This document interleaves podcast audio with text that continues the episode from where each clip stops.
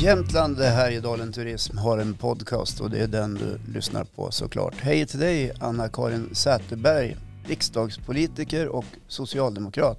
Hej! Men också eh, Årebo. På riktigt. Ja, men du har också bott i Östersund. Växte upp i Östersund, eh, flyttade härifrån när jag var 12 år till Åre när kabinbanan byggdes. Ja, vi ska återkomma till det, men vi ska också säga hej till Martin Johansson som är min chef i den här podden. Hej! Hej, Hur står det till med dig idag? det är jättebra. Ja, vad härligt. Hur mår du? Ja, men jag mår jättebra. Tillbaks till dig Anna-Karin. Eh, du växte upp i Östersund och eh, sedan flyttade familjen till Åre. Varför? Ja, Jag fick ju inte riktigt bestämma, jag var ju 12 år, men eh, pappa fick jobb eh, som chef på kabinbanan och det gjorde att hela familjen flyttade dit och det kan jag ju säga att eh, det var ju väldigt lyckosamt. Jag har trivts enormt bra i Åre eh, och vart flyttade ju även hem till Åre senare efter mina ungdomseskapader på andra ställen. Ja. Eh, chef över kabinbanan, det var ju också, eh, var det inte så att när den byggdes så gjordes den med eh, ett statligt stöd? Absolut, det var ju en tanke att man skulle utveckla, eller egentligen var den en del av nyindustrialiseringen på 70-talet. När vi här i Jämtland skrek att vi flytt inte. Eh, och det gjorde också hela norra Sverige. Då gjorde ju den socialdemokratiskt ledda regeringen även då, eller den enpartiregeringen som det var, faktiskt stora satsningar på industri. Men i Åre och Jämtland så vart den industrin bland annat det vi ser eh, Woolpower som det heter nu. Det hette väl Vinetta strumpor på den tiden och var Just det. statligt. Och även då kabinbanan i Åre för att det kunde skapa industri i Åre. Mm. Intressant, och där var din far då chef.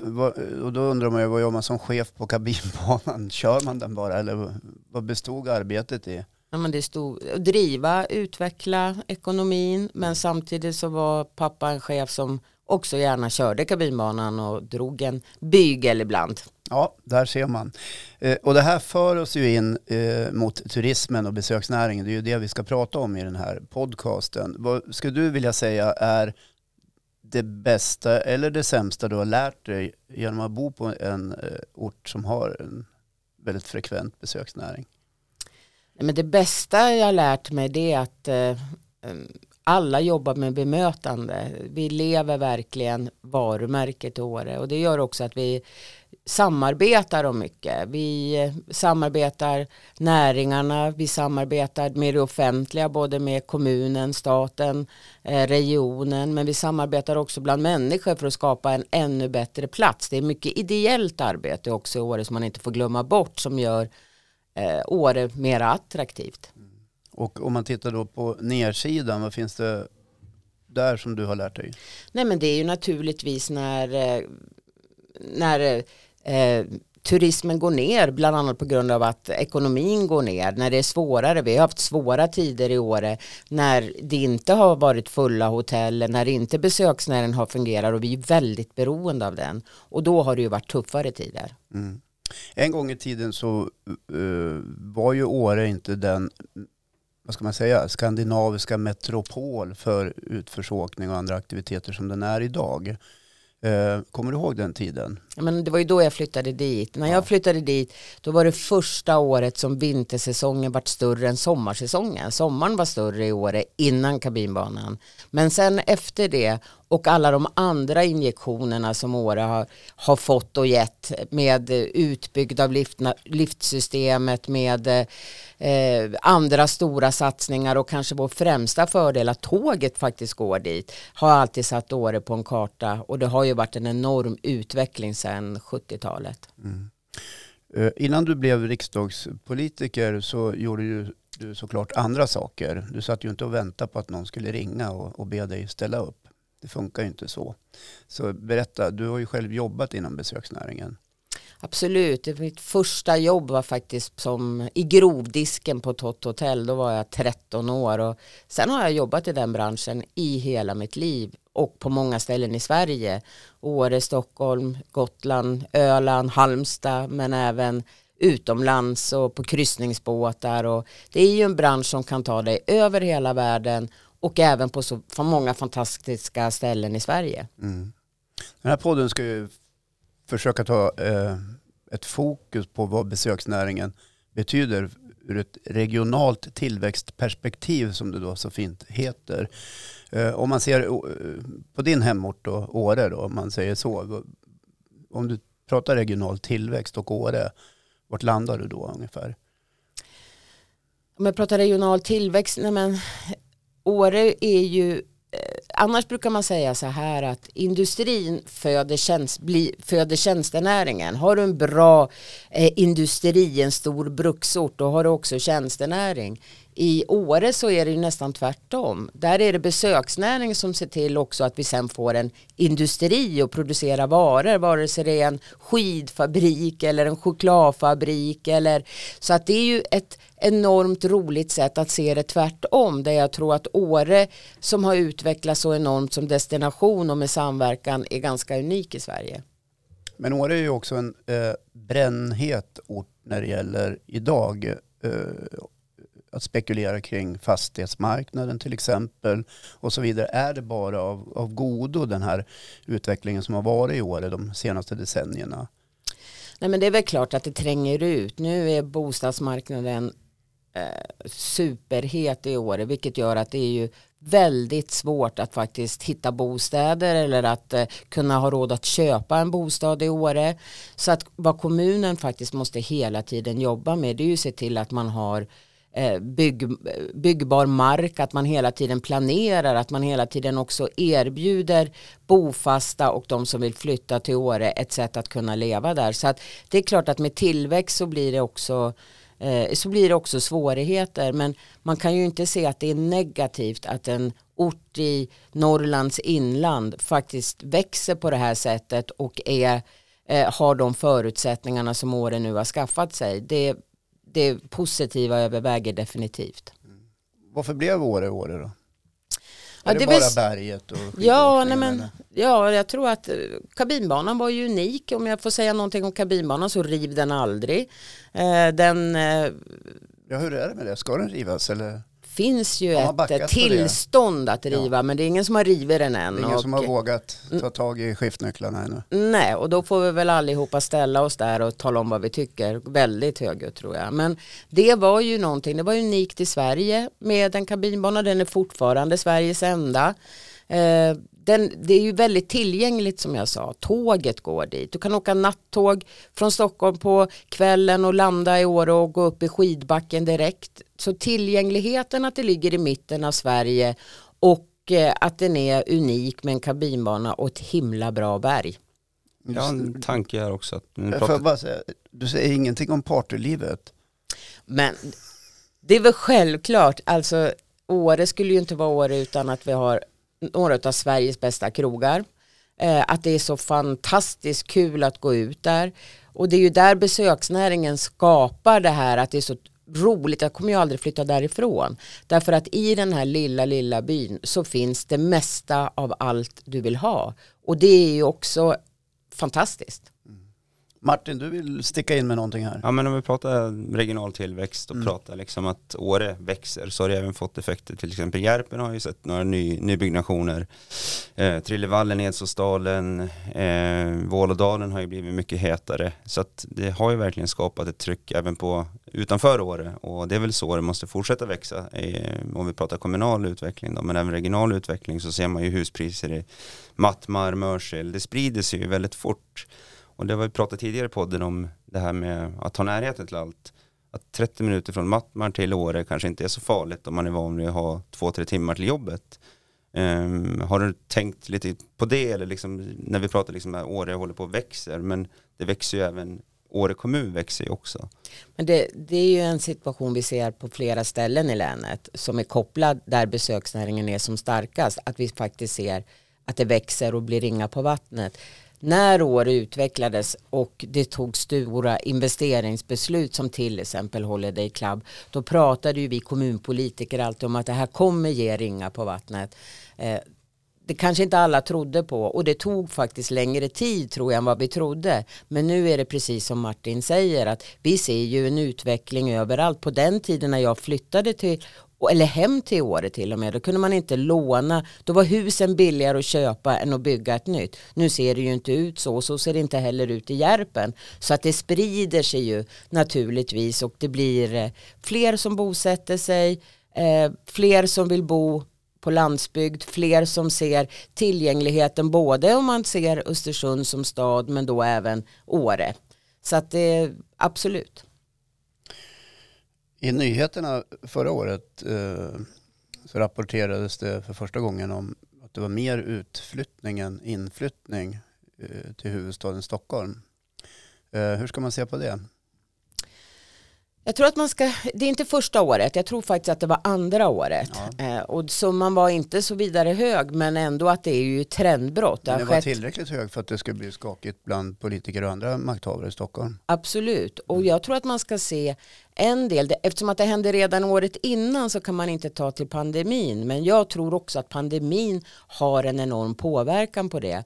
Många har jobbat hemma man vill inte bo i en lägenhet mitt i en stad eh, där alla sitter hemma på olika ställen. Oftast bor man inte så stort så att det fungerar. Jag tror att man har längtat efter något annat. Jag tror att pandemin har också gjort att när teatrar och allt det här du vill ha i en stad har varit stängt då börjar du fundera på vad som annat är viktigt i ditt liv. Andra värden. Andra värden och eh, jag tror att vi kommer få se det fortsätta att liksom, det går också med digitaliseringen och det var ju det vi hoppades på en gång i tiden när vi för 20 år sedan pratade om bredbandsutbyggnaden då sa vi så fort den är klar då kommer människor bo överallt i hela Sverige men det gjorde man inte riktigt men det här med pandemin gör ju distansoberoende arbete på ett helt annat sätt och det är det jag tror vi kommer få fortsätta se nu. Mm. Eh, men bredbandsutbyggnaden går ju inte så jättebra med. Det är ju många svarta fläckar i Sverige? Det är det. På glesbygd är det fortfarande det. Någon, en kommun som har lyckats fantastiskt bra i Jämtland är ju Bräcke som tog tag i det här själva tidigt och har sett till att byggt ut till sina medborgare. Men det finns svarta fläckar och det satsas pengar för att det ska lösas. När vi pratar om eh, inflyttning och utflyttning så är ju, eh, man slänger med termer tycker jag. Besöksnäring kan ju ofta vara en dörröppnare. Eh, vi pratar om Synsams etablering. Synsam skulle inte etablera sig i Östersund om det inte fanns ett underlag för dem som de ska flytta hit, arbetarna, med att uppleva dels natur, dels liksom att det finns ett stadsutbud, dels att det finns restauranger. Och ofta kan väl besöksnäringen vara en, dörröppnare för att sen säga, ja men här kanske man skulle vilja bo. Eh, och då är det väl en, eh, en, en del av en regional utveckling om man säger det så. Är det så man kan tänka att besöksnäringen kan fungera som en dörröppnare för inflyttning? För ofta blir det att man pratar inflyttning och besöksnäringen för sig. Men oftast sitter de ihop, tycker jag. Nej, men jag delar den åsikten helt. Besök, det här med att nu när vi har hemestrat hela det, ja, ett och ett halvt år, det gör ju att folk upptäcker att den platsen jag bor på inte är den jag vill bo på längre, utan jag vill nog bo på den här platsen. Och det har ju besöksnäringen gjort, att du har upptäckt nya saker, men även där du vill flytta, där vill du att det ska vara attraktivt. Det ska ju vara en bra ort och det är ju det som besöksnäringen bidrar med. Attraktiviteten att bo på en ort. Det är inte bara jobbet, det är inte bara det ena utan det är vad du kan göra och uppleva som gör att eh, orten är attraktiv. Så besöksnäringen är ju naturligtvis det som skapar kanske det som tippar över till att jag väljer att flytta. Besöksnäringen har ju haft det extremt tufft under pandemin. Kanske inte alla. Några har också haft det extremt bra. Åre är väl ett sådant exempel där man under sommaren har haft väldigt gott om besökare och, så vidare. Men problemet för besöksnäringen är dels nu att det är jättesvårt att få tag i kompetent personal. Man lider stor brist på det. Det är det ena. Och det andra är att eh, besöksnäringen kanske betraktas inte som en riktig näring. Förstår du vad jag menar? Eh, hur ska man greppa de här två sakerna? Den ena är ju, om vi börjar där du slutade så betraktar ju i alla fall jag verkligen besöksnäringen som en basnäring. Ja. Och det tror jag, den synsättet tror jag har vänt från att det var den tunga industrin till att besöksnäringen också är en basnäring. Eh, jag tror att den har vänt. Jag tror att man måste kämpa lite till för att hamna på kartan och det kan hända, handla om vi pratar ofta om statistik, att man måste kunna bevisa vad man bidrar med. Man måste ha mera statistik. Det forskas för lite på, på besöksnäringen. Så att där måste det också, och jag vet att eh, besöksnäringen tillsammans med, eh, med sitt fackförbund, HRF, faktiskt har en egen, lägger anslag för att forska. Men det behöver, behövs också lite mera statlig, statliga pengar i det tycker jag. Eh, så det är mycket som branschen behöver göra för att bevisa hur faktiskt bra man är. Så att man inte bara kan sticka upp fingret i luften. För det är inte då kommer alla syna de siffrorna. Så att där handlar det lite om det. Vad gäller kompetensförsörjningen så, så har det varit kompetensbrist. Eh, den är, den är värre nu men den var ju också innan och jag tror att branschen måste också tänka över hur man är en attraktiv arbetsgivare eh, staten måste se till att det finns utbildningar men branschen kommer ju konkurrera med hela resten av arbetsmarknaden och då krävs det kanske att man eh, tänker över hur man verkligen blir en attraktiv arbetsgivare. Mm. Vi har ju ett annat projekt på äh, Jämtland Härjedalen Turism som heter MMA, eh, Morgondagens medarbetare. Eh, och där har vi kartlagt några av tjänsterna som finns inom besöksnäringen. Och jag tror vi är uppe i hundra olika yrkeskategorier, yrkesroller. Eh, och det finns ju allt som du säger, det finns ju allt från den som liftskötare eller vad man säger till ekonom, ekonomichef, vd. Så att näringen tror jag också måste liksom bli bättre berättat. Här finns det karriär, karriärmöjligheter. Du behöver inte söka dig till kanske en revisionsbyrå om du vill bli, eh, jobba med ekonomi. Det finns möjligheter inom näringen också. Så det är väl också ett sätt liksom att, att höja kompetensen och försöka få fast kompetensen. Att det finns karriärer i näringen. Det är inte bara sommarjobb eller vinterjobb som jag tror att det finns en en, kanske en liten norm att man tror att det är.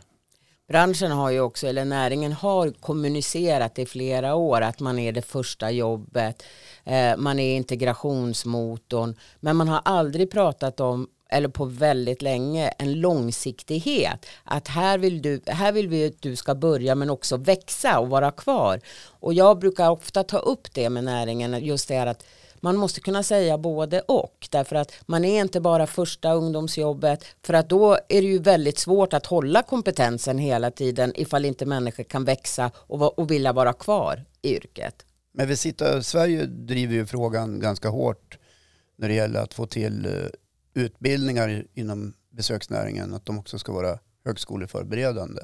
Så att man på det viset kan hissa statusen lite grann på yrket. Och den delar jag ju fullständigt. Det var ju ett enormt misstag att ta bort eh, eh, det högskoleförberedande, att man hade kunnat, kunnat gå över till hö, högskolan. Och där ändrar vi ju faktiskt nu. Därför det var inte vi som tog bort det. Vi tyckte inte så. Då vart ju föräldrarna helt plötsligt rädda att man vart instängd i någonting som man sen inte skulle kunna gå vidare på vilket mm. gjorde att färre sökte de här utbildningarna. Utan, och däremot kunde man välja till så att man kom till högskoleförberedande. Nu istället ändrar vi det så att man måste välja bort om man inte vill ha högskoleförberedande vilket jag tror öppnar upp att flera söker och känner sig säkra att de även har andra vägar. Eh, när man pratar regional tillväxt så är ju Åre ett exempel som man kan se. Det måste vara ganska lätt att se Åre ur det perspektivet. Eh, och sen pratar du Martin om orterna utanför, att det också blir någon form av regional tillväxt i, i Mörsil och, och Järpen och, och, och Storlien och, och Sta och så vidare. Men tror ni att alla håller med om att det bara är positivt? Eh, jag tänker på till exempel bostadsfrågan som har diskuterats i Åre kommun i tre, fyra decennier snart att det finns inga hyreslägenheter. Bofasta människor får inte riktigt plats där de faktiskt vill bo. Skapar inte det här en motsättning då någonstans mellan besöksnäring och den som har bestämt sig för att bo på en plats? Jo, det är självklart. Eh, det är ju det som, som också blir svårigheterna. Det är att eh, man får eh, helt plötsligt så har vi inte platser på förskolan därför att det flyttar in för många barn. Vi har inte platser i skolan. Vi ligger efter i utbyggnadstakten. Helt plötsligt så tar inte VA-systemet och reningsverken måste byggas ut. Så man ligger ju hela tiden i en takt som inte riktigt följer med. Och ska man klara en sån här eh, omställning och utveckling då måste man hela tiden samarbeta med de bofasta med näring, näringarna, flera olika näringar och med det offentliga. Och ibland så klarar man inte riktigt det och då blir det motsättningar. Men samtidigt skulle inte Duveds skola byggas om inte tillväxten fanns. Det är det jag menar, men den skulle ha byggts för länge sedan för den har varit trång väldigt länge. Så att som kommun, en liten inlandskommun, ligger man hela tiden lite steget efter. Jag tänker, som kommun kan det också vara problem med tillfälliga gäster för de betalar inte skatt i kommunen. För man kan inte bara gräva ur en kommun som bara har jätteliten kassa för att tillgodose sådana som kanske bara bor eh, kanske skriven på en annan plats. Det, ju, det, det, kan ju hämma tillväxten också. Det kan ju bli att det blir tillfälligheter som, som bor där men det finns ingen permanent skattebetalning. Jag tror inte det finns ett politiskt parti från Jämtland som inte i sina partier har drivit frågan om mantalsskrivning. Det sker nämligen första november det här är sedan statartiden, det var då man flyttade till sin nya arbetsplats och från den första november betalar du då skatt nästa år på den ort där du bor och verkar. Men Första november har inte alla våra säsongsanställda i hela länet kommit upp än. Så att vi förlorar ju hela tiden. Vi, vi, måste ha mer service men vi har inte den skattekraften som vi borde ha i och med att man ändå är kanske sex månader eller någonting på våra orter. Så att det där är en fråga som vi fortsätter att driva som vi har lite svårigheter att nå fram med. Att det borde vara enklare i det digitaliserade Sverige att faktiskt fixa den frågan. Och sen vet, vet jag inte om ni vet, men jag brukar ofta vara ute när man väljer att inte skriva sig i vårt län fast man bor och verkar här så brukar jag uttrycka min irritation. Men den, den, här frågan är ju relevant för den har ju funnits i, i så många år. Nu när, det, när vi då pratar eh, postpandemi och, och det har varit väldigt många människor som eh, sitter i sina kåkar uppe i Åre och jobbar på distans och så vidare. Eh, kan man inte börja prata om någon slags eh, digitalskatt eller jobba borta-skatt? Eller, för man belastar ju ändå kommunen och, och servicen där man är. Eller till och med turistskatt. Det är ju ett vedervärdigt ord att ta sin mun kanske tycker många, men det har ju också diskuterats. Om vi börjar i den första änden så eh, når vi inte, som besöksnäringskommuner når vi inte alltid fram eh, i de här frågorna eftersom att merparten inte har besök, eller har inte besöksnäringen på det sättet som vi har. Eh, däremot så har vi lämnat in en motion till vår partikongress nu när det handlar om eh, turistskatten eller bäddpeng eller ja. någonting att kommunerna faktiskt tillsammans naturligtvis med näringslivet ska ha rätt att införa det för att faktiskt ordna den infrastruktur eller annat som behövs för att eh, göra eh, orten mer attraktiv. Eh, men det ska ju naturligtvis vara i tät dialog med näringslivet. Och andra länder har det, de flesta turistorter har det runt om i världen. Så det vore väl kanske också bra på tiden att vi kunde ha det. Är besöksnäringen med på det tåget då? Jämtland Härjedalens turist är det. Mm.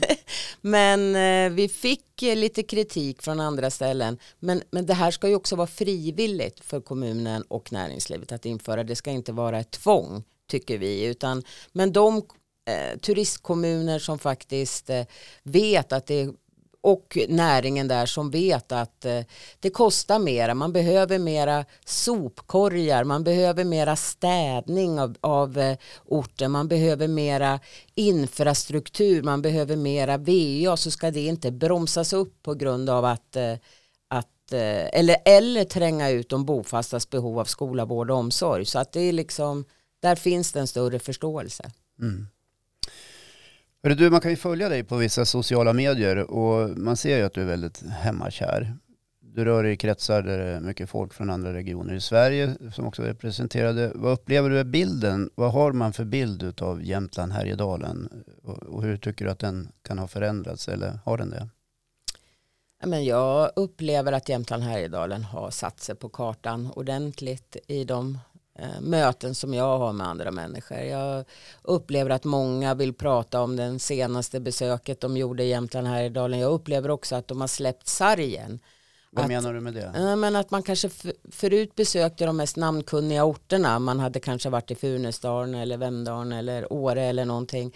Men nu pratar man om att man har besökt Hällingsåfallet eller andra ställen och liksom man har flyttat sin, man har sett det här stora, det som fungerar och flytta sig eh, till andra ställen som man har hört talas om och eh, alla vill prata om vad de har sett och gjort. Mm. Och idag pratar vi ju inte med varandra utan idag pratar vi ju över nätet. Mycket sociala medier såklart. Hur har det bidragit tror du? Nej, jag tror att sociala medier har bidragit fantastiskt. Jag tror inte att du ser en Årebo lägga ut en bild när det västanvinden blåser och det regnar från väst eh, och det piskar i ansiktet. Men och där... takpannorna flyger. ja, precis. Men däremot så tror jag du ser Årebor lägga ut, eller hela Jämtland lägga ut en solig dag med vinter och snö, vad, vad man än gör för aktivitet den dagen. Så det är klart att vi, vi på något sätt lever vårt varumärke och visar upp det när det är som finast och det gör ju, lockar ju också mm. naturligtvis. Så att du, det betyder ju då att nästan alla som ägnar sig åt just det är med och marknadsför utan att kanske riktigt veta det. Eftersom vi lägger ju oftast ut det som är det, bra. Ja, jag ja. tror att eh, ibland vet man det. Man, vill visa, man, man är stolt över där man bor och man vill visa upp det när det är som finast helt mm. enkelt. Och det är väl också en grej som tillväxten eh, har visat. Som du säger att Åre kommun har Åredalen eller Vemdalen eller Funäsdalen, där är det ju väldigt högt tryck. Men det har också blivit högt tryck på Fetjofallet, på Hälsingfallet, på de här orterna som, eller orterna, men på bes ja, mm. besöksmålen som förut kanske var för locals eller liksom för människor som hade det som sin lilla ut. Nu är det verkligen ett tryck på flera ställen. Och jag upplever att när det trycket har blivit så pass stort så kommer det också sprida sig sen till ännu mindre ställen. Och det är väl en stor grej i besöksnäringen, att den söker sig vidare hela tiden, den tar inte stopp. Eh, vi pratade lite med Erik Niva om, om gruvnäringen, hur den har fördärvat ett samhälle. Mm. Medan besöksnäringen verkligen bidrar till mångfald, bidrar till utveckling, bidrar till tillväxt på ett helt annat sätt utanför själva liksom kärnan där det börjar. Eh, min upplevelse, jag vet inte om du vill bekräfta eller säga vad du känner om det. Nej men jag tror att det var det precis jag försökte beskriva, just det att eh, Eh, vad sociala medier gör eller vad besöksnäringen ger en plats och hur mycket mer eh, besöksnäringen kan bidra till attraktiviteten på en plats. Att man faktiskt vill besöka och bo och verka.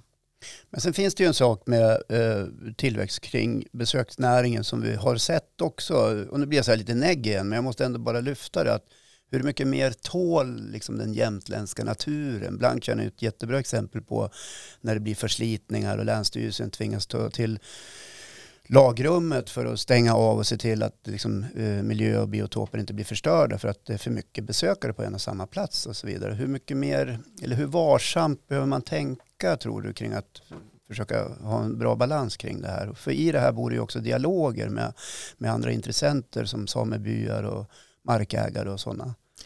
Jag tror man måste vara väldigt varsam och, ha, och se till att turismen är verkligen hållbar och många av de projekten pysslade JOT med för, för länge sedan och har fortsatt med. Eh, och där, där kanske sociala medier får det här som vi inte ville se, till exempel en film på Blanktjärn som gjorde att helt plötsligt vill hela världen besöka Blanktjärn, ingen, ingen visste vad det var innan. Eh, och, för, och slitningarna varit eh, enorma så nu får vi faktiskt eh, stänga. Men vi måste ju också jobba samtidigt som vi ser till att det blir hållbart, att det sköts så måste vi också se till att vi ger förutsättningar, det vill säga rusta leder och se till och, och hela tiden eh, tala om hur, hur gör du på fjället, vad är det du lämnar efter dig, vilket fotavtryck har du. Men det här skulle ju också kunna vara utveckling för besöksnäringen, att uh, själva lära sig mer och liksom ta hand om frågorna på uh, fullt ut. Jag, jag fattar ju att många gör det. Men... men i grund och botten så är det ju spår och leder det handlar om. Det är de som vi pratar om. Och det är som Anna-Karin säger, det, det, krävs ju en upprustning, det krävs ju en satsning. Vill vi ha hit besöksnäringen, vill vi ha hit besökare så måste vi också underhålla det. Det är precis som Vägverket, det är precis som tåg, tåginfrastrukturen, tåget, flyget vill vi ha folk så måste vi underhålla det. Jag upplever att det kanske har hamnat lite på, på efterkälken i, i kanske Jämtlandstriangeln eller Blanktjärn. Man har liksom inte varit proaktiv utan reaktiv. Och då blir det förbud. Och det är ungefär som vatten. Liksom, dämmer upp vatten som söker sig nya vägar. Men det kommer inte sluta rinna. Men gräver du ett stort dike då kommer vattnet rinna där du har grävt diket. Och det är väl liksom med spår och leder. Vi kan ju satsa på spår och leder enormt och klara av ett enormt tryck. Men då måste satsningen göras och det måste vara proaktivt. Mm. Och vi satsar på det. Eh, eller regeringen har satsat på det de senaste åren just för att trycket har ökat och att signalerna har varit så. Men det kommer nog ändå krävas eh, ett visst mått av eh, försiktighet ett tag framöver innan det, innan det också är så att det fungerar bra. Mm. Vi hade ett cykelmöte förra veckan när vi pratade om det. Där vi pratade om, eh, Vadå, cykel, är du cyklist också? Nej, vi hade ett möte med, med lite destinationer som cyklar. Jag förstår. Ja, och vi pratade Ute med... och cyklar. Nej, jag, var, Ja, ute och nej, jag, var så här, jag fick så här, eh, har Martin börjat med mountainbike? Nej, inte riktigt. Men Inte där vi pratade vi exakt om det där också. Pratade vi om att eh, det är ett enormt ansvar på utövarna också. Mm. Att cykla inte när det är blött, lägg inte ut bilder när det är lera på dig själv. Eh, lär sig liksom de här självhushållningsreglerna för att också bevara det som vi vill, vill, vill bevara. För börjar du cykla när det är blött, ja men det sliter mycket mer än när det är torrt till exempel. Och flera cykelorter runt om i världen har börjat med det här med gott resultat. Så jag tror också det är som du säger, att upplysa och belysa och utbilda tror jag också är lika viktigt. Mm. Att om, omhulda sin tillgång lite grann och låta den Absolut. få vara så skadefri det går. Mm. Sen kommer det alltid att slitas på något vis. Om du fick utveckla turismen i Jämtland, Härjedalen, då får du inte nämna eh, järnväg eller flyg. Vad skulle det vara? Man brukar alltid fråga politiker för att de har ju Aha. alltid svar på allting. Utveckla turismen i Jämtland här idag. Nej men eh, det handlar om, eh, ja, men jag tror att jag nämnde lite, statistik, forskning, marknadsföring. Men jag tror också att det handlar om att bestämma sig om, om, om Jämtland Härjedalen, alltså hela regionen och hela länet ska stå för någonting. Då tror jag också det, är- då får vi bestämma oss om vi ska vara en besöksnäringsregion. Och bestämmer man sig för det, då handlar det också om bemötande och det handlar om att man ger service och det handlar om har man, har man som jag jobbat i den här branschen i hela mitt liv och bott i år hela mitt liv då, då gör man det konstant. Det sitter alltid i ryggmärgen att man alltid bemöter andra med ett leende och att man alltid eh, ger en service. Så jag tror att ibland måste man bestämma vilket län man är och eh, vad man vill helt enkelt.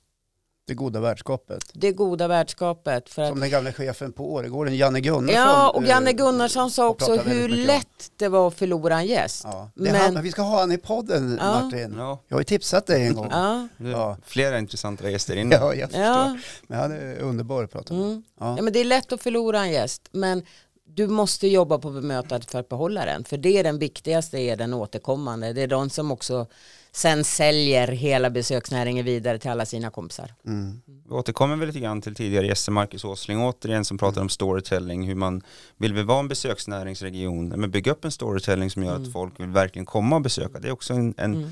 en sak man kan göra, men, men vi har pratat lite grann, vem ska, vem ska ta den flaggan, vem ska bestämma det? Och det är väl liksom samverkan och återigen som vi fastnar på Mm.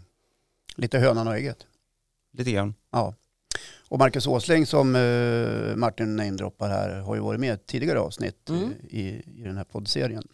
Hörru du, vi ska ta runda av, men Mm. eh, om du skulle ge ett eh, tips till den som besöker Åre, och då får du inte heller välja de här självklara grejerna.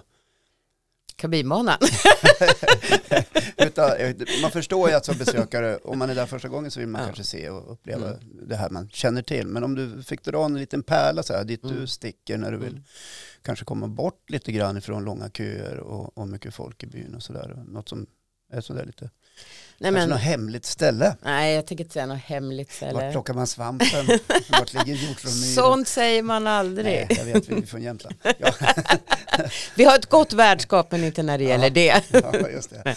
Ja. Nej, det är på men, dödsbädden man avslöjar Ja, svampstället. och då är det bara till en. Ja, precis. Jag lämnar över en hemlig karta till Arvingen. Här har Ja, du. Ja. Precis, det är från mig till dig. Ja. Ja, man, ska, man får ingenting ta med sig när man går. Nej, Nej. så är det ju. Ja. Men har du något sånt där place som du vet att hit kommer ändå lite besökare hit åker gärna jag också? Nej, men eh, jag tror att det är för att vi precis har lämnat sommaren och att det regnar just idag. Eh, Så kanske man längtar. Det är svårt att lämna säsongerna. Ju äldre man blir desto svårare är det. När sommaren är slut är man ledsen och när hösten är slut är man ledsen. När vintern är ledsen då är man väldigt ledsen. Mm. Men eh, jag har ägnat sommaren och hemestrat och eh, badat i Nulltjärn. Mm. Jag gillar Nulltjärn. Nulltjärn. Mm. Varför? Ja, men för att den, va- vattnet är så himla fräscht.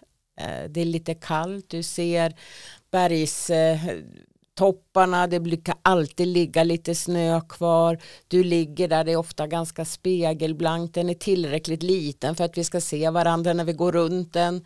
Ja, jag tycker att den är, den är lite extra kärlek där. Och sen efter det ska man äta våfflor.